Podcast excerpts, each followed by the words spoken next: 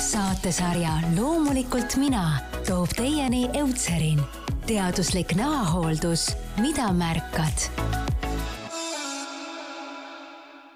tere, tere, hea kuulaja ja mul on hea meel, et oled äh, seadnud end Anne Stiili podcasti lainele.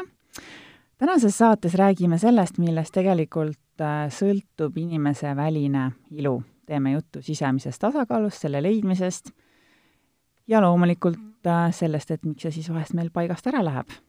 olulises teemas aitab selgust luua koolitaja, terapeut, joogaõpetaja ja kahe raamatu autor Kaidi Laur. mina olen Anne Stiili peatoimetaja Mari-Liis Helvik, soovin teile head kuulamist. tere tulemast saatesse, Kaidi! tere, tere! no selles Eutserini ja Anne Stiili koostööna valmivas podcasti sarjas peamiselt nahahooldusest rääkides me oleme jõudnud äh, korduvalt tõdemuseni, et välimine ilu on ikkagi otseses seoses sisemise iluga, sisemise tasakaaluga, inimese enda enesetundega, vaimse füüsilise tervisega. miks on siis see sisemine tasakaal nii oluline ja kas tõesti paistab välja, kui me oleme stressis? isegi siis, kui me kasutame kallist kreemi ja meil on peal ilus meik? ma arvan, et alati me ju märkame inimeste tundeid, et see on hästi huvitav, et me ju lastena üldse õpimegi näo pealt äh, märkama, et kuidas neil läheb ja ja kas olukord on positiivne või pigem nagu negatiivne.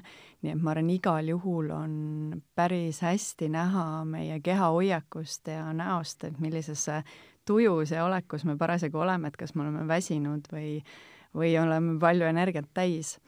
et ma ise vaatan nahka kui sellist äh, füüsilise kehapiiri ja nägu on selline, mis on kõigile näha.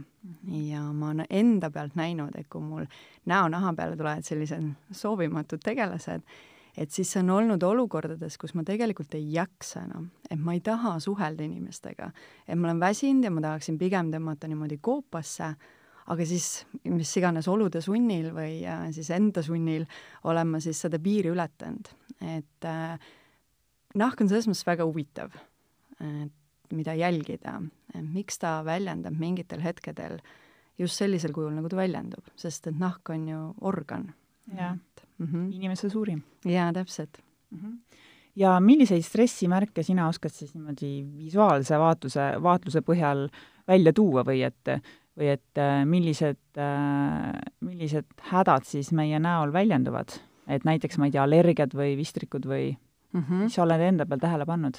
vot minul oli üldse niisugune huvitav, et ma tõesti uurisin ka seda, et mul tulid nagu suu ümber sellised imelikud punased täpikesed ja ei mhm. olnud äh, kuskil kirjas, et mis need siis on.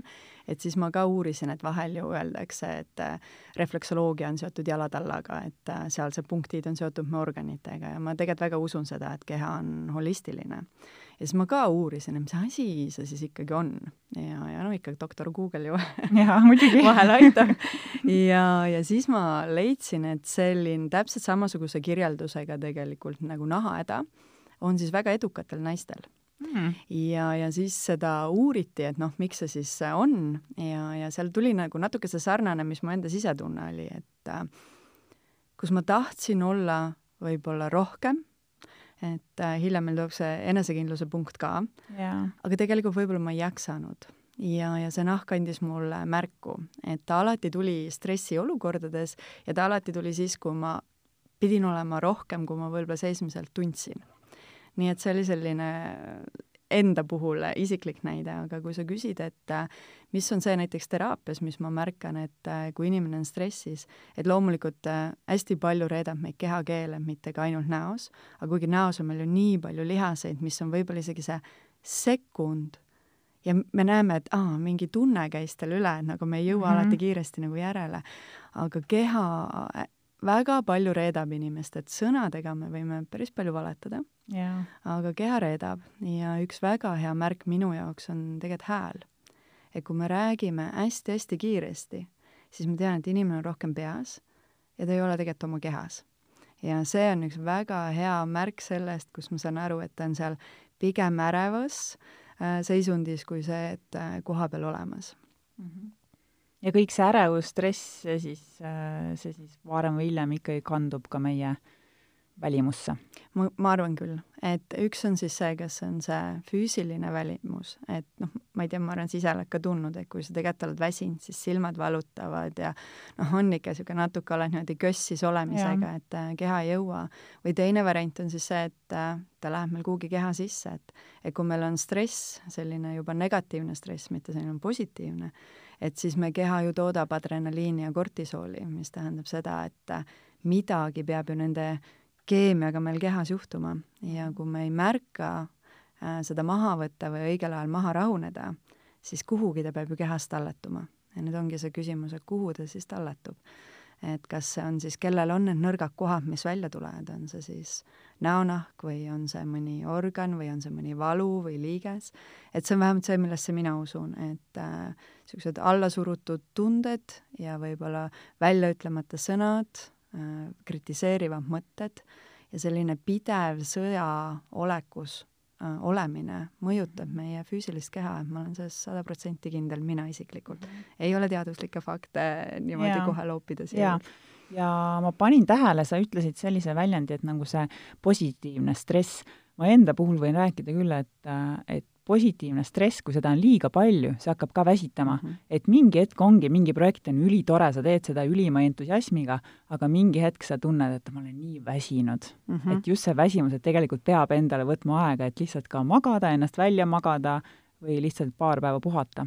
absoluutselt, et kui korra jälle mõelda, et mis on siis see baasvajadus inimesele, baasvajadus on uni, söömine, heaolu ja alles siis peale seda tulevad selline füüsiline heaolu, peale seda tulevad noh, et mis on mu elu eesmärk ja, ja kuidas ma siis ikkagi ennast tunnen, et kui need füüsilised asjad logisevad, ehk siis see baas logiseb, et ma ei maga hästi või äh, ma kogu aeg, mu mõtted on nii ärevad, et äh, ma ei suuda süüa enam, et äh, siis kõik see ülejäänud heaolu ei, ei saa ka olla olemas, sellepärast et sa tegeled tegelikult selle kõige baasfüüsilise heaolu otsimisega nii et ma olen väga nõus, tuleb magada.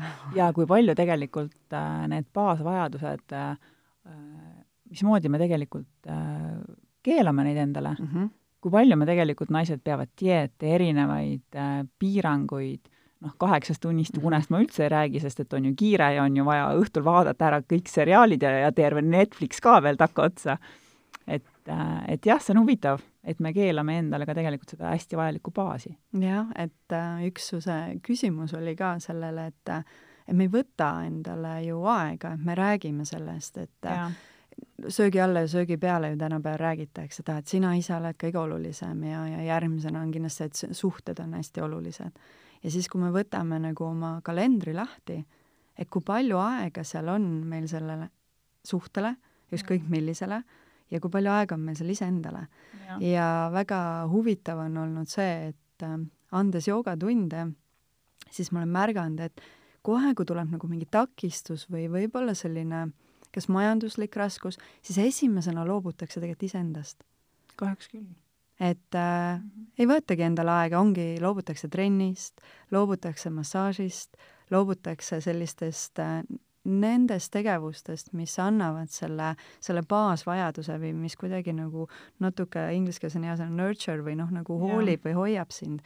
et see on tõesti selline tobe komme meil. jaa. no räägime sellest äh, niinimetatud sisemisest tasakaalust äh,. see on see, mida sa tegelikult enda raamatutes ja ka joogaklassis ja teraapias äh,, see võiks olla nagu see eesmärk. kuidas sa ise oled sinna sinna jõudnud või sa oled ka alles teel?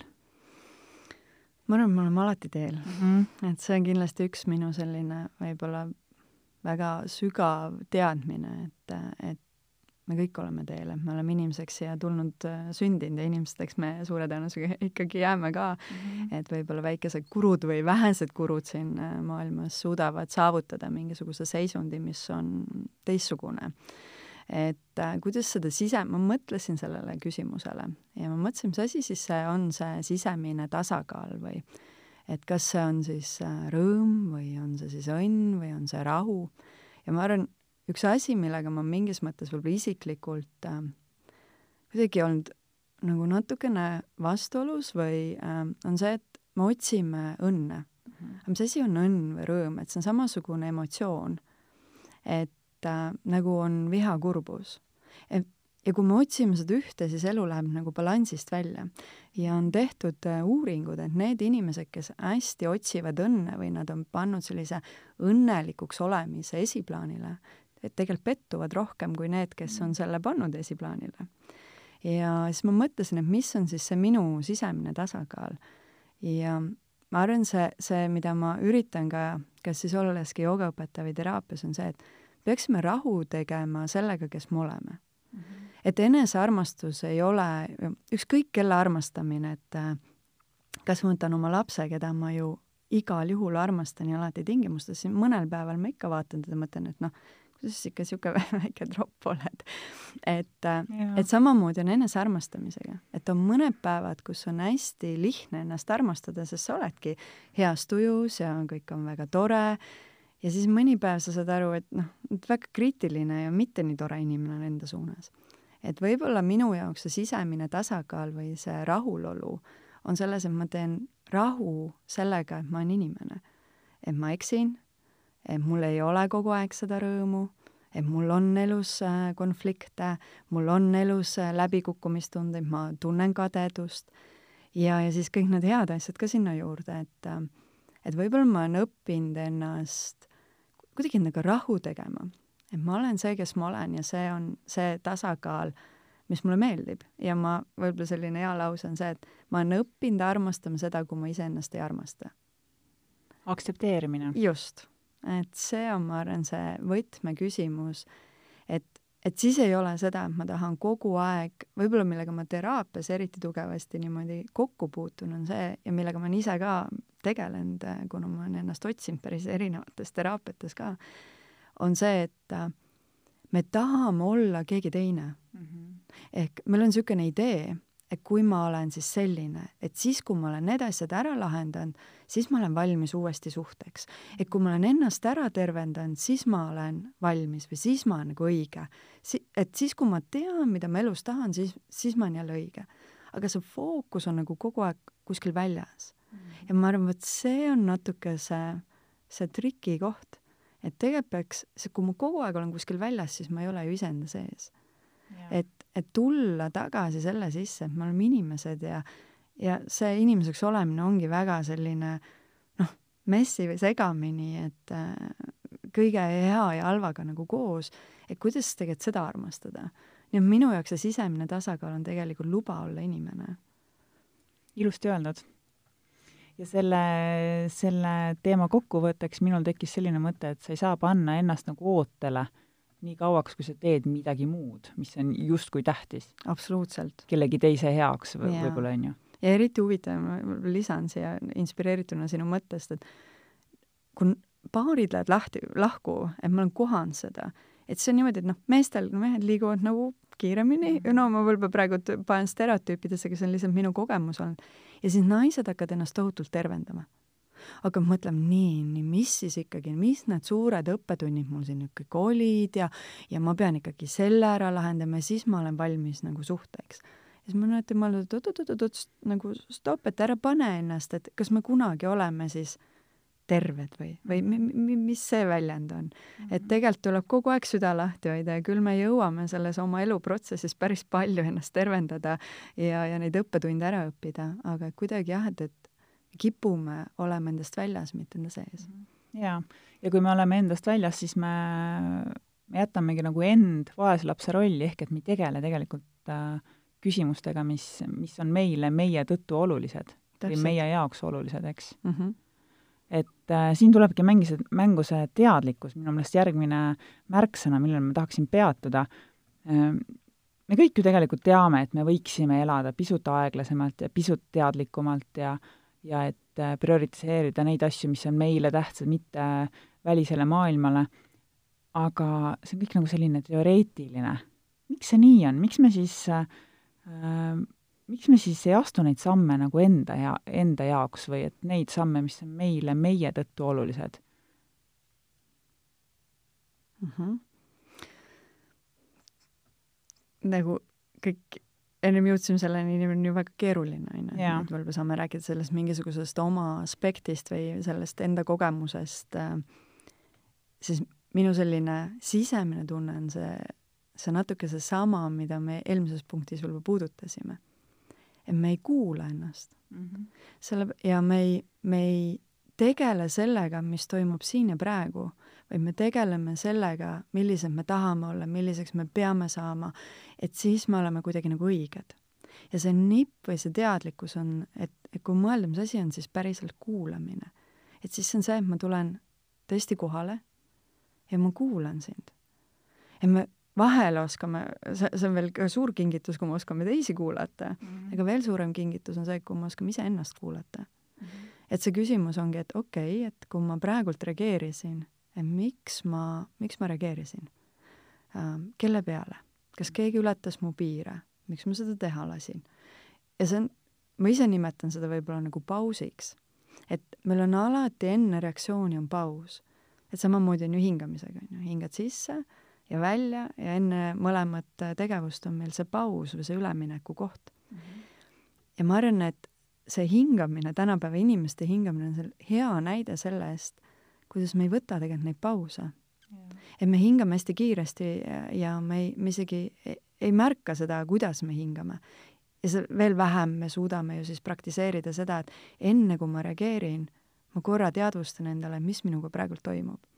ja veel üks hästi põnev uuring tehti, ähm, selline, et äh, ka, et kuidas siis tavaliselt terapeudid alati küsivad seda ja noh, selle üle tehakse ju palju filmides ka nalja, et noh, et kuidas sa siis ikkagi ennast tunned, mis tunne see on. Aga see on võtmeküsimus. et kui ma ei oska nimetada oma tunnet, siis ma ei saa aru, mis minuga toimub ja see uuring oli siis selline, et pandi ühte tuppa inimesed, kellel on suur siis ämblikuhirm, noh, mm. tõeline foobia, ja sinna ruumi pandi üks suur ämblik ka ja siis äh, pooltele inimestele tehti niimoodi, et räägiti siis läbi, ehk inimesed andsid sellele tundele, mida nad tundsid, nimetuse. Ükskõik, kas see oli hirm, oli see vastikus äh,, ebameeldivus, oli no mis iganes, ärevus ja siis teistele ei räägitud seda lõpuni. ja need, see grupp, kes siis andis sellele tundele nime, suutsid minna ämblikule lähemale. ja see, kes ei andnud, ei äh,, ei läinud. ja selles mõttes on see nagu hästi huvitav, et me ei taha nende tunnetega tegeleda, aga see ongi see kuulamine, sest tunded annavad meile infot, et miks see asi mind tegelikult kurvaks teeb või miks see asi mind praegu vihaseks teeb või mis on see kadeduse põhjus. aga me otsime kogu aeg seda, et me peame olema õnnelikud, kuid just see nagu uudishimu iseenda vastu ja uudishimu nagu elu vastu on, ma arvan, seesama, et, et me ei võtagi seda aega, nagu me poleks olulised. et ma ei tea, kuidas sinuga on, minu jaoks uudishimu on armastuse vorm et kui keegi tunneb mu vastu uudishimu, siis noh, see on ju nii mõnus, et siis sa kohe nagu oh, ja, ja sama ju peaks olema iseenda suunas et kas ma tunnen oma tunnete, oma mõtete vastu uudishimu või ma arvan, nad ei ole midagi väärt. ja kui ma juba arvan, nad ei ole midagi väärt, siis võiks juba vaadata, okei okay,, et kuidas siis selle enda armastamisega ikkagi nagu lugu on, on ju. nii et ma arvan, et me, me ei taha ennast kuulata ja sellepärast me ei ole teadlikud mm. -hmm. Selle uudishimuga on üks äh, huvitav trikk. mina tegin äh, üks paar aastat tagasi läbi sellise muutuse, et äh, et ma hakkasin täiesti teadlikult uudishimuga tegelema teemadega, mida ma olin kohutavalt kartnud mm. -hmm. see oli üks põnev see oli üks põnev teekond mm. -hmm ja vaat just see, mis ma teraapiates ka ütlen, et inimestel on ju hirm, et oo oh,, et nüüd sa lähed teraapiasse, siis sa oled nii katki ja siis mis sul kõik nagu viga on. ja mul on see, et ja ma olen ka näinud seda füüsiliselt, et see teeb moodus endasse uuesti ära armuda, et vau wow,, et ma mõtlen nii või et issand, et ma käitun nii ja ma saaks ju tegelikult seda muuta. et see armastus iseenda vastu tulebki läbi selle uudishimu ja, ja siis ma olengi aru saanud, et selle teadlikkuse võib-olla, miks me ei kuula, on sellepärast, et meil ei ole nagu kaastunnet.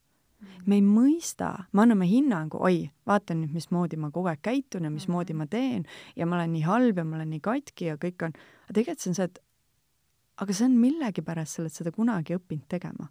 Ja, ja kui sa oled seda millegipärast õppinud tegema, siis see on kunagi sind teeninud. Iseküsimus on see, kas see täna teenib, et me ju kasvame ka suhetest välja, oma töökohast välja, oma hobidest, et miks me ei arva, et me oma harjumustest samamoodi tunneme ta, et see, see uskumus, mida me üldse ei teeni. ja vot ma arvan, et inimesed annavad hinnanguid endale, siis see teeb haiget. ja sellepärast me ei taha kuulata. sest et võib-olla üks mõte on mul ka olnud, et me ei karda võib-olla nii väga tõde, aga me kardame valu, mis selle all on nii et äh, jaa, see on, see on ka üks huvitav mõte ja ilmselt just äh, kas seetõttu äh, võtavad endale inimesed nii lihtsasti ligi selle ohvri rolli? no see on ju nii lihtne, sellepärast et kui ma olen ohver, siis on üks suur paha maailm. jaa, kõik teevad mulle liiga. ülemus on mm -hmm. täiesti lollakas mm. -hmm sõbranna, mõtle, kuidas ta nii mulle teeb mm. -hmm. noh, valitsus, riik, jaa, kõik, kõik teevad liiga mm. -hmm et see ohvri roll on ka üks selline väga salakaval, et kui sa selle ligi võtad, sealt välja pääseda on päris keeruline. ja seal on omamoodi selline tore nagu paradoks. sest et tihtipeale me oleme ka sellised, et mina saan hakkama. mina olen tugev. ei, mina, mul ei olegi sind vaja. ma ei tahagi kedagi, ma saangi üksi hakkama. ja siis see mitteluba olla endal see õnnetu ja vaene ja ma mäletan, see oli kindlasti, minul oli see teistpidi et äh, mis omamoodi ka võttis sest et me oleme ju kõik, me olemegi see, kes tunneb, et maailm teeb liiga ja siis samas me oleme need sõdalased ka, kes lähevad, on ju, rinde ees. et äh, ma sain aru, et kui sa surud nagu mingit asja maha, ega ta tuleb kuskilt nagu hõlma alt mm, -hmm. et siis mhm. see, see ohver on nagu natuke teistsugune, aga on. ja ma päris palju madistanud selle ohvri teemaga ka, et ühelt poolt seda elutervelt lubada endal kogeda et on okei okay olla nõrk ja abitu ja küsida toetust. ja teiselt poolt just seesama, et me ei muutuks oma kurbadeks lugudeks. ja võib-olla see ka, et see on ka mingi üks minu mingi asi, mida ma olen läbi aastate rääkinud, aga see avastus oli kuidagi nii suur. me ei, me ei tunne tunded, vaid me muutume tunneteks mm.. et, et siis ongi see, et äh, ma ei, ma ei tunne oma valu, vaid ma muutun oma valuks ehk siis see ongi see, et ma hakkan seda oma lugu uuesti, uuesti elama, seda, et ma olen ebapiisav ja ma olen vale ja ma ei ole hea ema, ma ei ole hea naine, ma ei ole hea ja nii edasi. selle asemel, et tunda seda valu, et sa oled niisuguse mõtte endale öelnud või iseendale ka ütles, mõtled, et oh, kui haiget see teeb. ja siis ma hingan selle läbi ja tunnen ära või siis teine on see, et ma muutungi selleks ja nüüd ma hakkan veel, siis ma teen kas teistele haiget või ma teen veel iseendale rohkem haiget ja see on niisugune huvitav nagu nõiaring. nii et äh, jah, ühelt poolt see, et tuleb olla see nõrk ja abitu mõnikord ja. ja teiselt poolt tõesti mitte jääda kinni, et ma olen väga nõus sinuga. jaa, aga kuidas siis saada sellest nõiaringist välja? anna soovitusi, mida peaks tegema, ma ei tea, mind näiteks kunagi aitas, ma hakkasin käima äh, esimest korda joogas mm, -hmm. ka üks paar aastat tagasi, ma arvasin, no mina ei ole üldse joogainimene, absoluutselt ei ole, et mulle ikka meeldivad rühmatrennid ja aeroobika ja kargamine, hüppamine, aga siis ma seal tajusin, et äh, kui joogatreener ütles, et kuulame nüüd enda hingamist, et kuulame, mis ja, ja vaatleme, mis toimub kehaga, kui me hingame, siis ma mõtlesin, et oi, ma ei ole kunagi kuulnud või kuulanud ennast mm -hmm hingamas mm. -hmm. see oli üks ka üks selline tore tunne ja ma tegelikult kasutan seda väga pingelistes olukordades, ma ei tea, mingites koosolekusituatsioonides, ma hakkan lihtsalt hingama mm.. mõtlen, et tegelikult see ei olegi nii pingeline, kui siin toim-, nagu tundub, et see on. no millest peaks alustama? ja ma korra veel jagan sulle, et see on nii ilus ja nii lihtne tehnika on seesama asi, et see, et kui sa ennem küsisid, et kuidas me, et me ei võta aega selleks teadlikkuseks mm, -hmm. see ongi võib-olla viisteist sekundit märgata, et kus kohas see sissehingamine su kehas alguse saab ja kus ta lõpeb mm. -hmm. ja kuidas ta muutub selleks väljahingamiseks ja kus väljahingamine su kehas alguse saab ja lõpeb mm. -hmm. ja see piisab viisteist sekundit, et see yeah., see lugu, et meil ei ole aega, on selline lugu yeah.. ja võib-olla see, kui sa küsid, et kuidas siis sellest välja tulla on äh, mulle endale väga või mind ennast on väga kõnetanud see mõte, et kui me räägime mingit lugu, meil on mingi noh, hea ju see, ma arvan, enamus selline naiste teema on see, et ma ei ole kunagi piisav, onju. ja kui ma räägin seda lugu, siis mul on ju vaja tõestusi mm. -hmm. ja nüüd ma hakkangi, ükskõik kes midagi ütleb, siis ma otsin sellele oma kurvale loole tões, ah näed, ta vaataski mind täpselt sellise pilguga praegult, et ma ei ole piisav mm. -hmm. Mm -hmm ja siis ma loon seda lugu ja ma elan seda lugu ja siis ma olen selles ohvri positsiooni võtmes. ja ma toon ühe näite, ma seda näidet ka toon, sest see on lihtsalt nii geniaalne näide, on see, et me ühes joogalaagris tegelesime lugudega ja üks, äh, seal tuligi, et kellel on siis see, mis see tema see kurb lugu mm. -hmm. ja ühel siis oli see kurb lugu, et äh, ta on kogu aeg nii väsinud mm. -hmm. ja kogu aeg ongi füüsiliselt tunneb ja, ja ta on selline hästi tubli ja perfektsionist ja teeb kõiki asju nagu täpselt, aga ta on kogu aeg väsinud. ja üks selle lugude nagu selline huvitav nüanss on see, et kui sa räägid mingit lugu, siis see lugu teenib sind kuidagi sa midagi pead sealt saama ja nüüd on küsimus, et mis.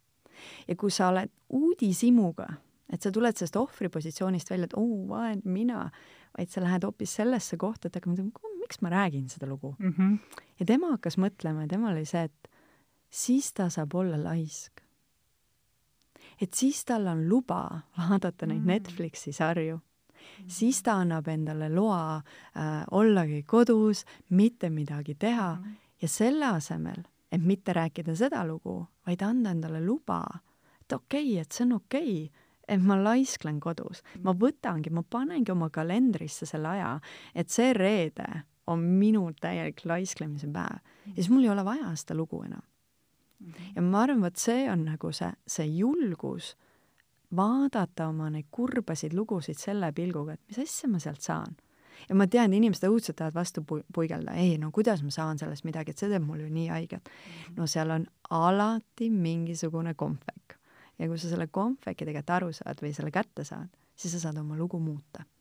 jaa, aga selle kompvekiga diilimine võib olla selline nagu, see on julgetele. see on julgetele, olen nõus, no olen nõus. -hmm,. okei. Aga veel ähm, anna veel mingeid soovitusi, no mida peaks tegema, kas ma ei tea, kas inimene peaks käima paar korda nädalas pikal jalutuskäigul, jätma telefoni koju või et eh, mida saaks teha, et sinna, et sinna nende enda mõtete juurde ja selle, selle enda, enda sisimuse juurde nagu rohkem jõuda? Sest tegelikult olgem ausad, meil on kiire. kodus on lastega tegemist, eh, perekonnaga tegemist, eh, koeral on ka kõht tühi ja pea, pealegi on õues halb ilm, et ei taha üldse õue minnagi mm. -hmm. Neid vabandusi ma leiaks alati. et see, ka see, et keegi ei anna meile aega, me peame võtma endale aega. ja natuke rääkisime sellest vastutusest ja ma arvan, et see on see, see koht, me ei taha tegelikult seda vastutust võtta. me tahame jääda eluaeg selleks, oi, et ongi, kas siis vanemad tegid midagi valesti või kool tegi midagi valesti, õpetajad olid või aga kui me oleme täna täiskasvanud, vahet ei ole naised või mehed, siis see, mida me lubame endal teha või ei luba teha, see on meie loa taga. ja me ei saa, me ei saa enam süüdistada, minevikus juhtus selline asi, et ma olen näinud teraapias väga tõesti ka kurbasid lugusid ja need inimesed on nagu superägedad. et sul ongi võimalus nagu võtta sellest, et ma, ma teen sellest oma loo ja nüüd ma jään sinna loosse kinni ja mul on kogu aeg õigustus olla siis see kurb või mm -hmm. ollagi oma mõtetega nii puntras või mul on kogu aeg mingi luba ennast karistada. aga täna, kui sa oled juba täiskasvanu, siis on üks nagu aeg mõelda, et äh, okei okay,, kas see ikkagi teenib mind. Et ma võtan ise, ma võtan selle aja. mul oli vahepeal, kui ma töötasin, oli väga ärev, ärev, ärevad aastad ja siis ma võtsin ühe Ameerika coach'i endale ja minu põhiprobleem oli see, et noh, aeg mm. -hmm. et kuidas siis ikkagi jagada seda aega mõistlikult. ja tema andis mulle tohutult ägeda idee ja see idee oli niimoodi, et ta küsis, et noh, et noh, näita Kaidi siis mulle oma seda kalendrit ja siis seal oli trenn, et äh, mina ise tunnen küll, et äh, kui mul on hästi palju stressi, ma pean tegelikult füüsiliselt liigutama, sest et adrenaliin ja kortisol tahavad füüsilist liigutust mm. -hmm. ja nad lihtsalt tahavad seda väljaelamist. ja siis mul oli trenn pandud, et noh, kell kaksteist hakkab ja siis ta kell üks lõpeb, et noh, hea lõuna ajal käia. ja siis ta ütleb mulle, et aga Kaidi, et see ei ole ju nii. et sa sõidad sinna viisteist minutit ja sa tuled tagasi sealt viisteist minutit. et see on kokku poolteist. ehk siis mida ma sain aru ja mis oli väga õige nagu mõte, oli see, et ma panin oma kalendrisse selle aja, sest tavaliselt oli nii, et kui ta oli kell kaksteist mul hakkas, siis kell oli juba onju üksteist viiskümmend viis, nägid, aa, ei jõua jälle onju mm -hmm., läheb ära. aga kui seal oli see puhveraeg, siis ma jõudsin. ja teine asi, mis ta ütles, oli see, et Kaidi, kaitse oma aega. Ja ma tundsin, et ma ei saa olla kuidagi parem töötaja, kui ma ei võta endale või ma ei saa ka olla parem ema, kui ma ei võta seda aega.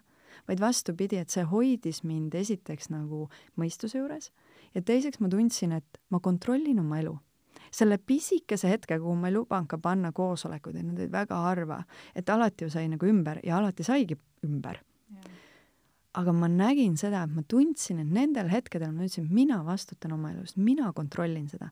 see, et ma lähen sinna, ma olen otsustanud, et ma lähen. ja väga huvitav on joogatreenerina näha, mehed, kui nemad on otsustanud, et nemad käivad, no nui neljaks käivad, mis vanaema sünnipäev, siis lähme natuke hiljem või mis lapse sünnipäev, küll me saame nagu hakkama. aga naised hakkavad seda oma aega ära andma. -hmm. ja ma arvan, et see on väga huvitav koht.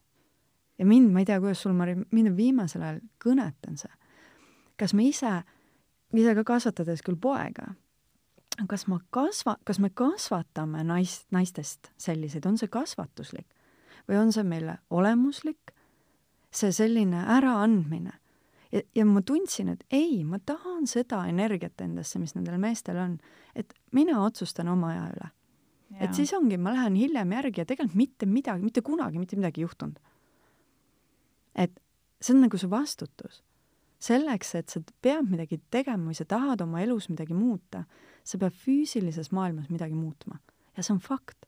sa ei saa, et noh, näiteks see hea näide, ma ei tea, näiteks oletame, mul käib teises toas olev tool närvidele. no see, et ma suudaks teda telepaatiliselt nagu liigutada, no mis ma peaks olema juba väga suur meister, noh, ma, ma ise ei ole isiklikult näinud.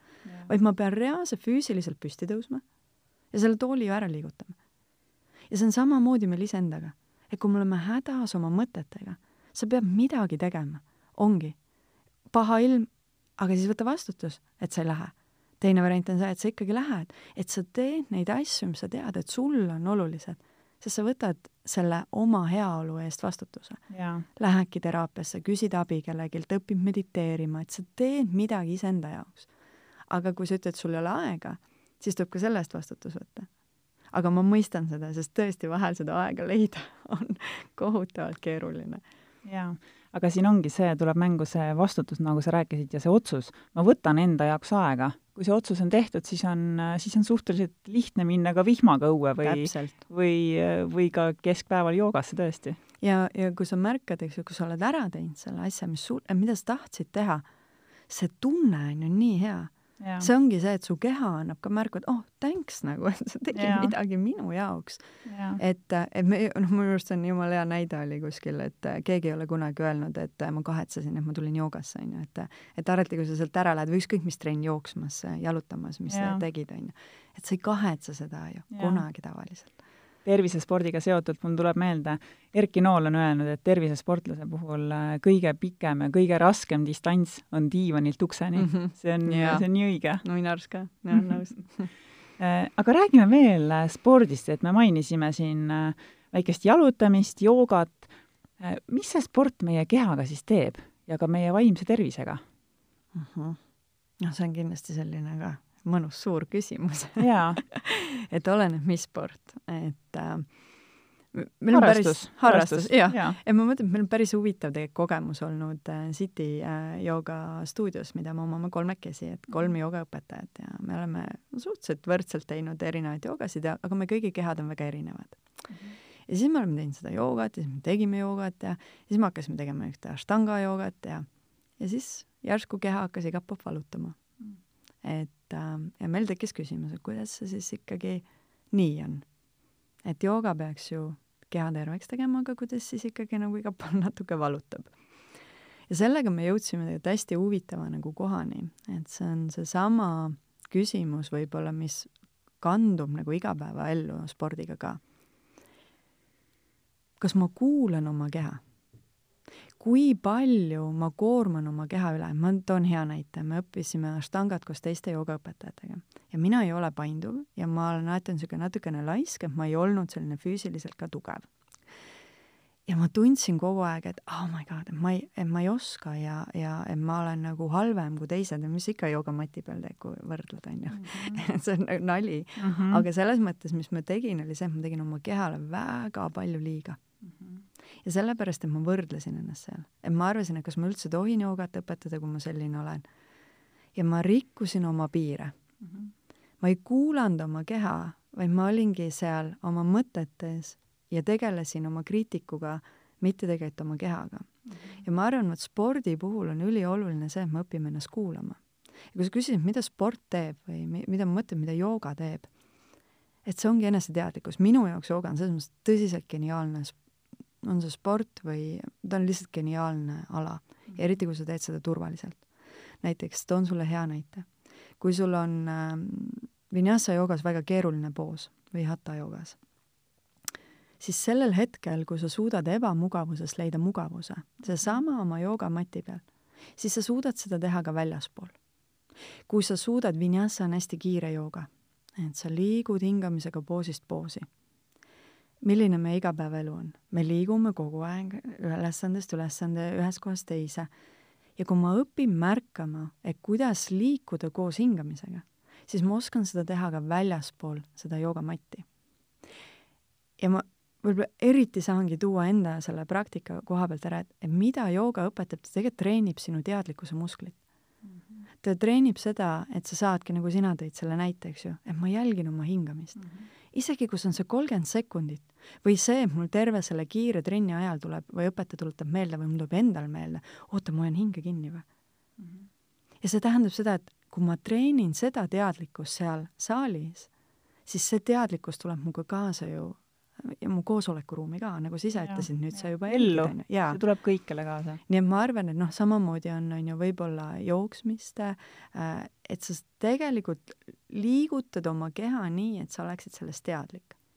ja vot ohtlikuks muutub see, kui me hakkame tegema sporti nii, et me ei ole enam kehateadlikud vaid me teemegi näiteks samal ajal mõtleme mingeid väga teisi mõtteid mm, -hmm. siis me võime endale liiga teha. või me treenime ennast nii, et mitte teadliku plaani järgi, vaid me tahame kuhugi nagu jõuda mingit moodi mm. -hmm. et siis ma arvan, me kaotame ühenduse selle kehaga mm, -hmm. sest täna, siin ja praegu ja on päevad, kus sul on, keha ei taha mingit ettepainutust teha ja on mõni päev, kus sa tunned, oo, nii mõnus on mm. Et, et ja see on ka nagu see huvitav jälgimise koht. nii et ma arvan, sport on tegelikult, annab võimaluse luua kontakti oma kehaga. ja vot see on ka nagu oskus või kingitus, et kas ma suudan seda luua nii, et ma olen teadlik või mitte. jaa, ja ikkagi see oskus olla siin ja praegu, on ju, et mhm. näiteks äh, talvel äh, need, kes armastavad suusatamas käia, need ju teavad, kui ilus on äh, ta-, talvehommik ühel päeval, teisel päeval ja kui erinevad need on mm. -hmm siis milline lood, loodus, kui on taevas on pilves ja siis milline, kui ei ole pilves mm. -hmm. sellised äh, või et mismoodi üks päev see lumeväli äh, helgib ja mismoodi ta teine päev ei helgi, võib-olla on jääs vähekene mm, -hmm. et need teadveloleku äh, harjutused ka võib-olla aitavad nagu absoluutselt, aitavad kaasa. jaa, ja see ongi ju, see on nii tore tegelikult, me otsime seda õnne kogu aeg kuskilt, kuskilt suurtest kohtadest. ma arvan, see õnn ongi selles pisikeses detailis et äh, selles, et äh, keegi viitsib sulle hommikusööki teha, äh, selles, et sa näedki seda lume helkimist või eile ma tegin, kõndisin hullu padukat ju sadas ja siis ma panin, mul olid käed nii mõnusad soojad ja siis ma panin peopesel need üles kõnnin ja siis tulid need vihmapiisad, mis olid sellised jahedad peo- ja see oli nii äge sensatsioon mm.. ja ma tundsin, et ma tõesti olen kehas ja ma olen õnnelik. Et, et, et kui ma suudaks neid pisikesi asju, nii nagu sa ise ütlesid, et vau, vihma sajab, et see on tegelikult nii äge mm. -hmm. ja siis sa üritad lapsega ka mõlema vahel, et vihma püüda suhu, on ju, mis tunne see on.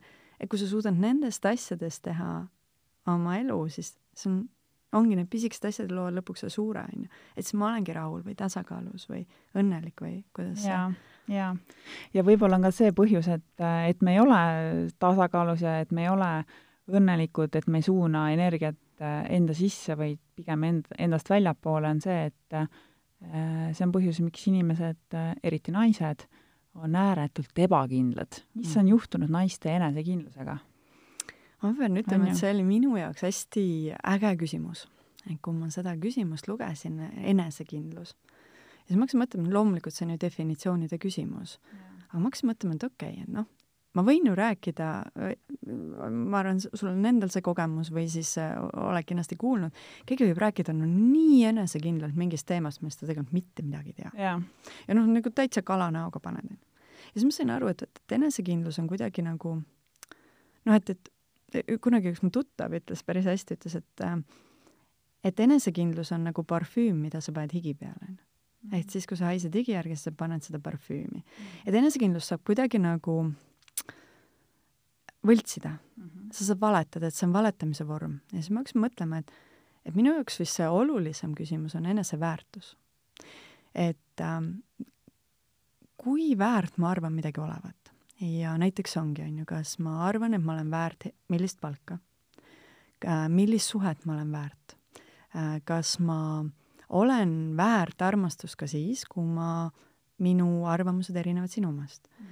-hmm. hea näide on ju minu arvates see, mul endal on olnud see, et oled mingis seltskonnas või sellises äh, võõramas ja siis räägitakse filmidest ja siis ma vahel ei ole julgenud öelda, et mulle mingid tobedad filmid meeldivad mm. -hmm. et siis ka, et noh, et noh, et, et, et teed ennast kuidagi sobilikuks sinna, et ma olen nüüd püüdnud seda mitte teha, aga ma olen märganud, et, et see on ikka ju mingi tendents ja siis ma olen mõelnud, et et see küsimus on tegelikult eneseväärtustamises et kui palju me naised väärtustame iseennast ja seda oma aega, seda, et äh, tegelikult ma olen väärt äh, armastust ka siis, kui ma ei ole meigitud või ma olen väärt armastust ka siis, kui ma ei ole täna oma kehaga rahul ja ma olen väärt armastust ka siis, kui ma jonnin või mul on paha tuju või ma olen vihane. ja ma arvan, et see, kes selle loa meilt ära võtab, oleme ise. et me ise tegelikult arvame, et me ei ole seda väärt ja kui ma ise arvan, et ma ei ole seda väärt, siis on õudselt keeruline sul mind väärtustada, kui ma ise ei usu seda. et, et see on ju nagu ka hea näide, et äh, me võime ju noh, tavaliselt me ütleme, no et keegi ei tunnusta ja siis keegi tuleb ja tunnustab ja ta ütleb sulle need õiged sõnad. aga sa tunned, et noh, ei olnud see, et ei läinud midagi nii hästi, sest me ise ei ütle endale mm -hmm. seda, onju. et see on ka niisugune, et ma arvan, ma ei, et mis, mis on see põhjus, miks täna naised äh, tegelikult ei väärtusta ennast ja ma arvan, see algabki väga lihtsatest asjadest, see algab ajast, see algab äh, sellest, et äh, me ei pea kogu aeg õigustama ja vabandama ja teiste jaoks olemas olema.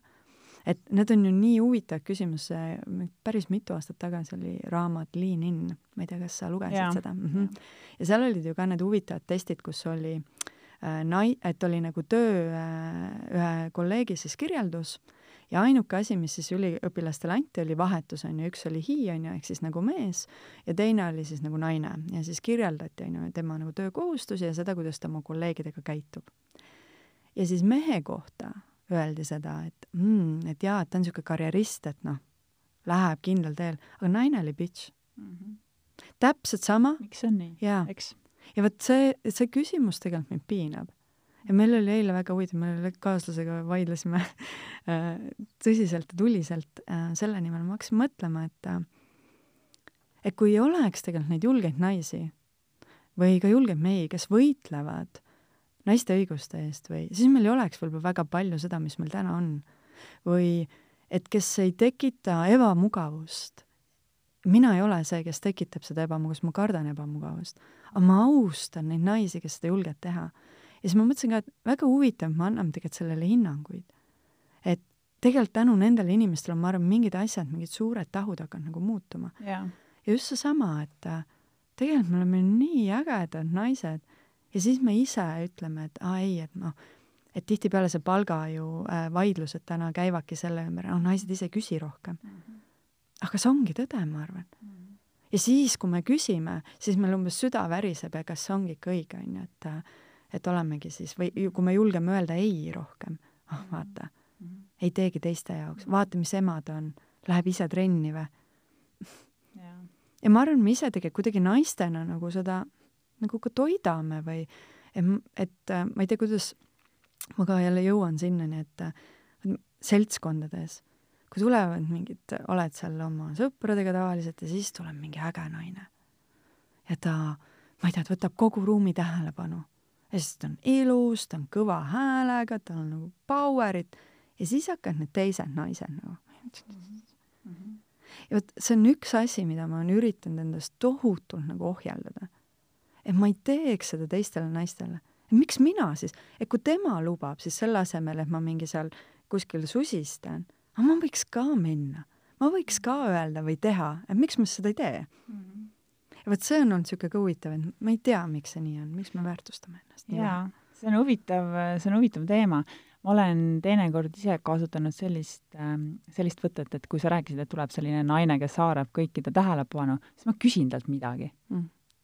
Ja tekib selline hoopis teistmoodi äh, diskussioon või arutelu mingite teemade üle, sest tegelikult need, need naised, kes üksinda siis tu-, tulevad ja kes on harjunud tähelepanuga, nad teavad täpselt, et see, et kui nad sinna sisse astuvad, sinna ruumi, see tähelepanu neile laskub mm, -hmm. eks.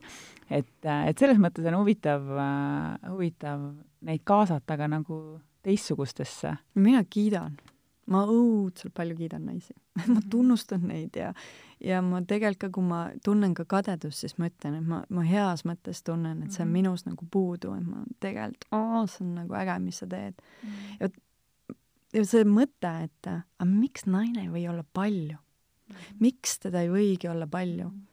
ja just seesama, et me ei pea kogu aeg sobituma kuhugi. -hmm ja seesama, et võib-olla mind ongi palju ja võib-olla see on mõni päev ainult, kus ma tahan, et mind oleks palju. ja siis ma mõtlen, et noh, nii äge on see, et, et kui sa näed, et mingi naine lubab endal olla palju, siis sa saad kuidagi ise ka tegelikult selle loa. jaa, just. aa, et tegelikult see on okei okay ju, noh, päris lahe oli, onju, et ma võiks ka proovida. -hmm. nii et ma arvan, et me naistena võiks pigem inspireerida, mitte kuidagi võistelda aga jah, et seda, et miks me üleüldiselt, on ju, ma ikka jõuan sinna tagasi, et miks me üleüldiselt ennast vähe väärtustame, et et see on huvitav küsimus, on see kultuuriline või sotsioloogiline või jah, naistes on mingit alalhoidlikkust -hmm. eks mm, -hmm. et kui ma, et ma pigem ajan läbi selle väiksema palgaga, aga ma tean, et vähemalt see on püsiv. või pigem ma siis ikkagi äh, haar-, haaran sellest suurest äh, härjal sarvist ja vaatan, kas tuleb välja või ei tule mm. -hmm. aga mis siis juhtub, kui ei tule? mitte midagi ei juhtu ju. täpselt, noh siis, siis on mingi nagu uus ja, ja noh, see on ju ka huvitav, see inglise keeles on see imposter äh, sündroom ehk siis teeskleja sündroom, mis on ka edukatel naistel. mina olen seda ise korduvalt kogenud, on see, et issand tea tegelikult mitte midagi. ja siis see hirm, et see kohe tuleb välja, et äkki ma ei tea tegelikult mitte midagi. ja see, kuidas ma olen selle sündroomiga või, nagu ütleme siis nagu selline sõtta läinud heas mõttes, on olnud see, et äh, ma olen öelnud kõva häälega, aga ma ei tea mm. -hmm et äh, ma ei tea, kuidas seda teha või, või ma ei tea, kuidas siit edasi minna või mul on niisugune tunne, et ma ei oska. ja siis ma kuidagi ise ka kuulen seda ja siis tekib mingi selline tore ma ei tea, kas see on kontakt või, või mingisugune uus level. ja vaata, kui mõnus on see, et kui me, vahel mehed ka, et tihtipeale niisugused töösituatsioonides tavaliselt ju nemad teavad, kuidas ka asjad on ja ja siis on nii mõnus, näiteks ma tean eriti isa puhul, mul kui mu isa ütleb, issand, ma ei teagi seda. see on nii nagu kuidagi elutervendav näha, et ah, see mees, keda ma kunagi vaatasin, oh, nii kihvt ja tugev mees, et ta tegelikult lubab endal olla selles kohas, et ma ei tea mis tähendab seda, et siis kõik saavad seda lubada, on ju. jaa, ja kui nüüd tegelikult nagu mõelda väga sügavuti, kas keegi üldse teab kõike? me keegi ei ole ju jumal taevas, selles mõttes, et, et äh, lihtsalt, äh, lihtsalt äh, mõned inimesed käituvad nii, nagu nad teavad kõike, aga kas see nende teadmine on see parim lahendus, tihti mhm. ikkagi, ikkagi ju ei ole, eks. ja noh, jumala hea näide oli, kunagi töötas üks kooliõde EMO-s ja tema oli siis EMO-s arst ja siis ta alati muigas, ta ütles, kui tulid need residendid. jah, on ja, ja, issand, ja siis äh, nemad olid need, kes alati teadsid. kõike teadsid, mis haigus on ja panidki tihtipeale väga täppi. ja siis olid need kogemustega arstid, kellel kõigil oli nii, et hmm, ma ei tea, on ju, kas see ikka on see, et see on ka niisugune nooruse uljus tuleb peale, et nii, nüüd ma õpetan, kuidas elada mm. -hmm. et tegelikult, kas me teame, kuidas elada, et see ei tea. sa jõuad sinna, et sa tegelikult ja, ei tea, tea mitte midagi, midagi.. ja, ja see ongi, ma arvan, see kõige äh, toredam koht äkki, kus, et sul ei olegi vaja midagi teada naisena ka selle eneseväärtustamise koha pealt. et meil ei olegi vaja olla kogu aeg väga head emad, väga head äh, kolleegid, väga head, ma ei tea, business'is äh,, rahas. vahel ei olegi, vahel ongi kõik nii nõme. vahel me ise oleme ka nõmedad et see luba tegelikult kuidagi mitte midagi teada on selline minu arust jumala hea mantra. teagi mitte midagi. ja see on hea selline baas, kus siis äh, hakata mõtlema välja. jah, täpselt. mingit lahendust, on ju. Mhm. no kui miski on siin maailmas kindel, siis see on muutus. kõik me oleme ise muutumises, maailm on muutumises. Sa oled äh, kirjutanud kaks raamatut üks neist, äh, viimane on Hingest aus ja kuidas elu muutuses ennast leida. no kuidas elu muutuses ennast leida, ma arvan, see on küsimus, mis eriti praeguses kriisiajas on nagu üliaktuaalne. et elud muutuvad, paljude töökohad muutuvad, majandus muutub, tervete majandusharude kaupa inimesi koondatakse. ja kui sa seal keskel veel ise kaotsi lähed ja enda, enda probleemides äh, kõikuma lööd kuidas elu muutuses ennast leida? ma esitan sulle küsimuse, mis on su raamatu pealkiri mm. -hmm. ma arvan, selles äh, vastuses on palju seda, mida me oleme täna puudutanud väga erinevate küsimuste pealt, et äh, üks mõte, mis mind äh, kummitas ja kummitab siiamaani ka ja seda on võib-olla hea teraapiates niimoodi kogeda, on see, et et kaos on ju korra ema, on ju ja me vahel arvame, et äh, eriti kui me oleme näiteks äh, teinud teraapiaid äh, või inimene tuleb teraapiasse ja siis lööbki või tulevad suured muutused ja me elu lähebki ju, noh, maja kukub ju kokku. ja selleks, et sa üldse midagi nägema hakkaksid, on ju, siis kõigepealt see tolm ja kõik see hullus peab ju alla nagu, sademed pudenema, et sa jälle näeksid selgelt. ja see, et me paiskume mingisugusesse tegelikult ongi, et meil võib-olla hakkame märkama oma emotsioone. Vau, ma tegelikult olen kurme, kurvem, kui ma arvasin või ma olen jumal vihane või et ärevus tuleb või me arvame, et see on nagu, et ma olen valel teel. aga ma arvan, et me oleme vastupidi, et me oleme siis õigel teel. et kui ma suudan tegelikult märgata juba, et issand, ma olen kurb mm siis ma juba tegelikult teen kontakti iseendaga, ma kuulan ennast. ja nüüd ongi see küsimus, kas ma võtan vastutuse ja tegelen selle kurbusega või ma põgenen selle eest, on ju. kas ma hakkan ma ei tea, kuhu jooksma, mis ainet tarvitama äh,, kaaslaseid otsima, et mida ma nagu tegema hakkan, või ma jään kohale ja ma tunnen selle tunde ära või ma küsin abi ja keegi aitab mul siis selgemalt mõelda või nende tunnetega toime tulla et ma arvan, et see on kuidagi selline, me ei peaks kartma neid muutuseid. ja me ei peaks kartma seda valu ja me ei peaks kartma neid nõndanimetatud negatiivseid äh, tundeid. muuseas, see oli ka väga huvitav, üks hüpotees on, et äh, positiivsete tunnete kohta meil on päris väike sõnavara. aga negatiivsete tunnete kohta meil on päris äh, suur sõnavara ja siis arvatakse, see on selline hüpotees, et kui on nagu positiivne tunne, noh, siis me väga sellega ei tegele ju, noh, me tihtipeale ei naudigi seda, sest me kardame, et see kohe kaob ära, on ju. aga kui on nagu selline nõndanimetatud negatiivne tunne, siis me keha ja kõik, me meel peab nii palju tegelema sellega mm. -hmm. et see ongi nagu see, et me peame aja maha võtma. aga mis teeb sind kurvaks? kas, ja siit hakkabki tulema väga tõesed küsimused kas tegelikult see suhe, kus ma olen, kas ma seal olen õnnelik? või küsimus on see, et äh, kas ma ise tunnen üldse elust rõõmu, kas mina ise olen üldse tore kaaslane? kas see töökoht, kas mulle üldse meeldis see töökoht? et mis olid need, mis ma tahtsin teha? ja, ja kui ma kuulen oma tundeid, siis ma saan ju midagi teha. et me ei peaks kartma neid tundeid, vaid me peaks kuulama. ja ma arvan, et seda me ei, me ei suuda teha, sest me nii kardame seda valu aga kui me võtame, ma arvan, sina võtad, mina võtan oma mineviku, siis me näeme, meil elus on ju nii palju olukordi, kus me oleme saanud väga palju haiget, me oleme elus ju. ja tegelikult tihtipeale väga hästi toiminud ja hakkama saanud. et, et see ka võib-olla hoida nagu sellest kinni, et kui on need rasked hetked, me saame neist üle. Ja vahel on nii raske, vahel, vahel on nii raske, et on vaja kellegi selgemat pilku või neutraalset pilku. Ja siis tuleb võtta see vastutus ja abi küsida mitte siis istuda seal oma ohvri energias, et mina ei saagi millegagi hakkama, on ju. nii et ma arvan, et kuidagi, kuidas selles elumuutuses nagu toime tulla, on vastus võib-olla see, et vaata tõde. et kuula ja ära sõdi endaga kogu aeg, et tule sinna hetkesse ja siis vaata, mis edasi saab teha üldse. ja kui eksid, siis tuled uuesti hetkesse ja teed teistmoodi. et me ei pea ka oma valikutes alati ju jääma nagu hästi kindlaks. nüüd ma valisin nii, siis ma jään sinna. ma võin ju uuesti valida, kui ma näen, et aa, ei, see üldse ei sobi mulle, siis ma võin ju noh, kohe uue valiku teha, on ju. nii et kuidagi võib-olla selline pikk vastus, aga mm -hmm. ma arvan, aktsepteerimine. et äkki sa ei ole valel teel, vaid äkki sa vastupidi, oled väga õigel teel kogu oma jamaga. lubagem endal tunda mm. -hmm, just. Aitäh, Kaidi, inspireeriva tunnikese eest ja inspireeriva kohtumise eest ja ma arvan, et siin on mõtteainet nii mõnekski õhtuks meile. ja kas ma võin ühe selle harjutuse anda? jaa, muidugi. ja see harjutus on mind ennast hästi palju mõjutanud. et sa võtad ühe paberilehe ja jagad selle paberilehe kaheks. ja teed nagu kaks tulpa. ja vasakule poolsele tulbale kirjutad, et mul on õigus olla ja paned kolm punkti. Ja siis sa hakkad kirjutama sinna, et mille, mis sul ei ole, mida sa ei ole endale lubanud, no näiteks ongi see, et mul on õigus olla vihane, mul on õigus tunda tundeid, mul on õigus öelda ei, minul tulid näiteks niisugused asjad ka, kui ma tegelesin, mul on õigus olla kole.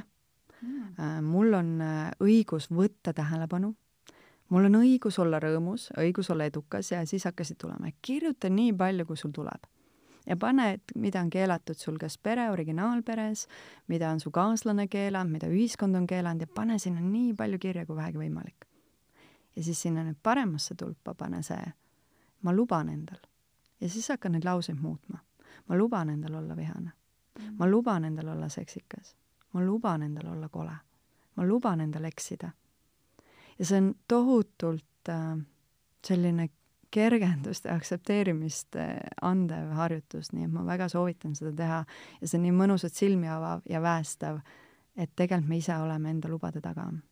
jaa, ja kahjuks me oleme ka iseenda suurimad kriitikud, aga me võiksime olla ka iseenda suurimad Täpselt, sõbrad. jaa. aitäh, Kaidi Laul! aitäh sulle ka! meie kuulame jälle. aitäh, et kuulasite!